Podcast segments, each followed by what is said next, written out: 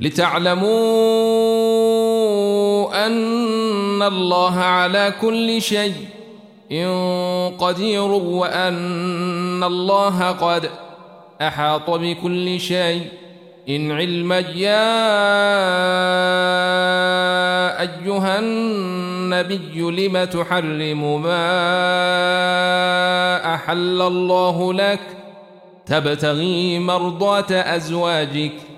والله غفور رحيم.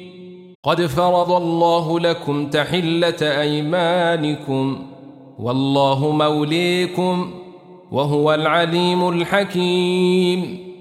وإذ أسر النبي إلى بعض أزواجه حديثا فلما نبأت به وأظهره الله عليه عرف بعضه وأعرض عن بعض. فلما نبأها به قالت من أنبأك هذا؟ قال نبأني العليم الخبير. إن تتوبا إلى الله فقد صغت قلوبكما وإن تظاهرا عليه فإن الله هو موليه وجبرائيل وصالح المؤمنين والملائكة بعد ذلك ظهير. عسي ربه إن طلقكن أن يبدله أزواجا خيرا منكن مسلمات مؤمنات قانتات مسلمات مؤمنات قانتات تائبات عابدات سائحات ثيبات وابكارا يا أيها الذين آمنوا قوا أنفسكم وأهليكم نارا وقودها الناس والحجارة عليها ملائكة غلاظ شداد عليها ملائكة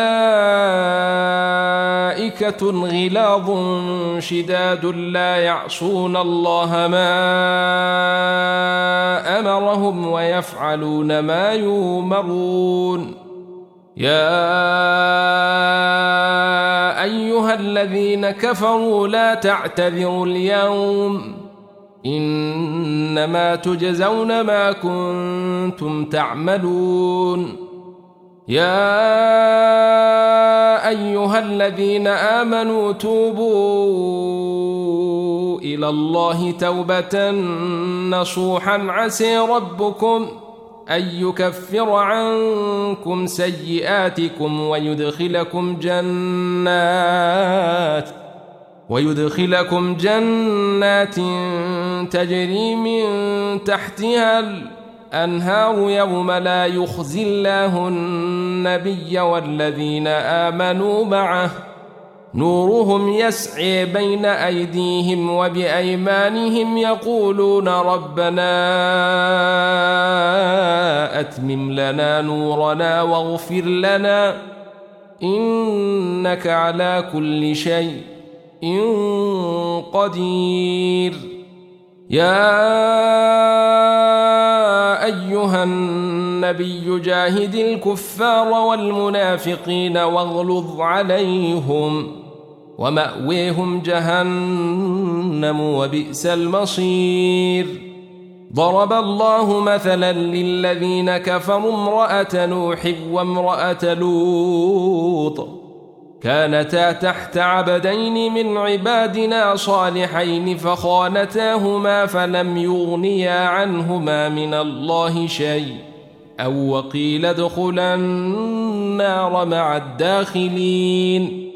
وضرب الله مثلا للذين آمنوا امرأة فرعون إذ قالت رب ابن لي عندك بيتا في الجنة ونجني من فرعون وعمله ونجني من القوم الظالمين ومريم بنت عمران التي أحصنت فرجها فنفخنا فيه من روحنا فنفخنا فيه من روحنا وصدقت بكلمات ربها وكتابه وكانت من القانتين.